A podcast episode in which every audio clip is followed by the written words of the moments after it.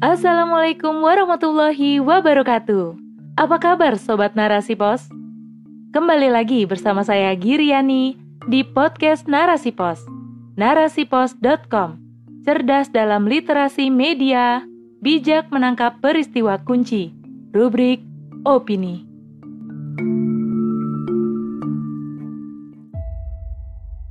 Menyikapi naiknya harga komoditas dengan solusi Islam oleh Ageng Kartika. Berbagai komoditas mengalami kenaikan harga, yaitu gas LPG, bahan pangan, BBM, hingga emas mendominasi pemberitaan. Alasan yang dikemukakan bahwa kenaikan ini sebagai implikasi perang Rusia-Ukraina yang hingga detik ini belum menunjukkan akan segera mereda dan usai. Mengapa bisa dihubungkan perang antara Rusia-Ukraina dengan perekonomian di Indonesia? Dilansir dari media cnbcindonesia.com, Senin 7 Maret 2022, hubungan perang Rusia-Ukraina dengan kenaikan berbagai harga di Indonesia disebabkan butterfly effect atau efek kupu-kupu. Perang keduanya yang disertai blokade dan sanksi perekonomian telah menimbulkan efek yang berat bagi ekonomi dunia, Ukraina memiliki gross domestic product sebesar 164,5 miliar US dollar dan Rusia memiliki gross domestic product sebesar 1.709,6 miliar US dollar. Dengan ukuran gross domestic product saja, Ukraina dan Rusia telah menunjukkan besarnya pengaruh perekonomian kedua negara pada ekonomi dunia. Beberapa negara telah memperlakukan sanksi ekonomi terhadap Rusia yang berdampak pada keseimbangan permintaan dan penawaran terganggu secara global. Butterfly effect merupakan perubahan kecil sebuah kondisi pada saat awal, namun dapat merubah secara drastis sebuah sistem dalam jangka panjang. Dalam hal ini, perang sebagai awalnya akan mengalami perubahan besar yang signifikan karena terjadi efek-efek yang mengikutinya selama perang berlangsung seperti pengerahan pasukan, guncangan perekonomian, dan sebagainya. Tidak bisa dimungkiri, hubungan politik dan perdagangan luar negeri yang melibatkan berbagai negara pun terimbas. Negara yang memiliki kerjasama dengan Rusia dan Ukraina akan mengalami kemandekan karena proses blokade dan sanksi perekonomian yang diterapkan. Inilah yang sekarang dirasakan oleh Indonesia terimbas perekonomiannya akibat perang ini dampak beban perekonomian akibat perang Rusia-Ukraina bagi negara-negara lain termasuk Indonesia sangat terasa.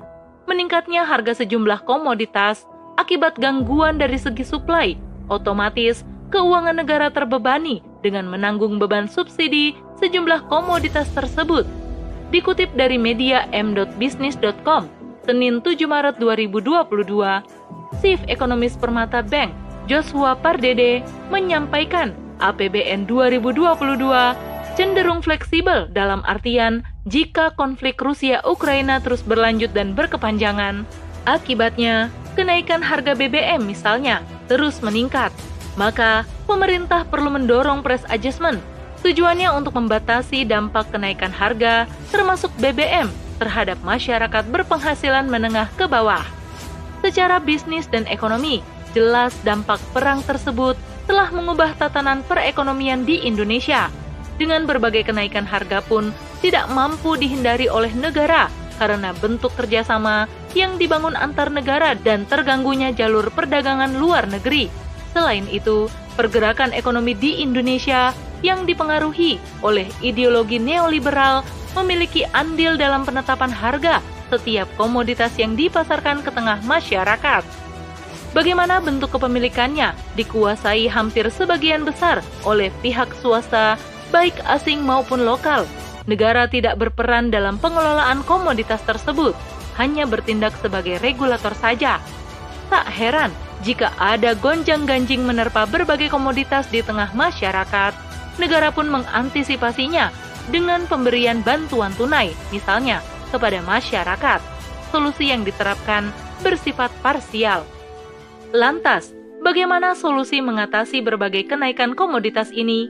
Dengan diterapkannya sistem ekonomi Islam, di mana negara sebagai pusat pengaturan seluruh urusan rakyat, kebijakannya semua terpusat untuk rakyat, bukan selainnya. Ada Baitul Mal sebagai wadah pengelolaan APBN dengan sumber pemasukan yang besar dari horoj, fa'i, sodakoh, dan kepemilikan umum, haram swasta, baik lokal maupun asing, untuk mengelola kepemilikan umum sehingga bertambah besar pemasukan Baitul Mal. Kerjasama dengan negara lain tidak menjadikan Islam diintervensi, baik dari segi politik dan ekonominya.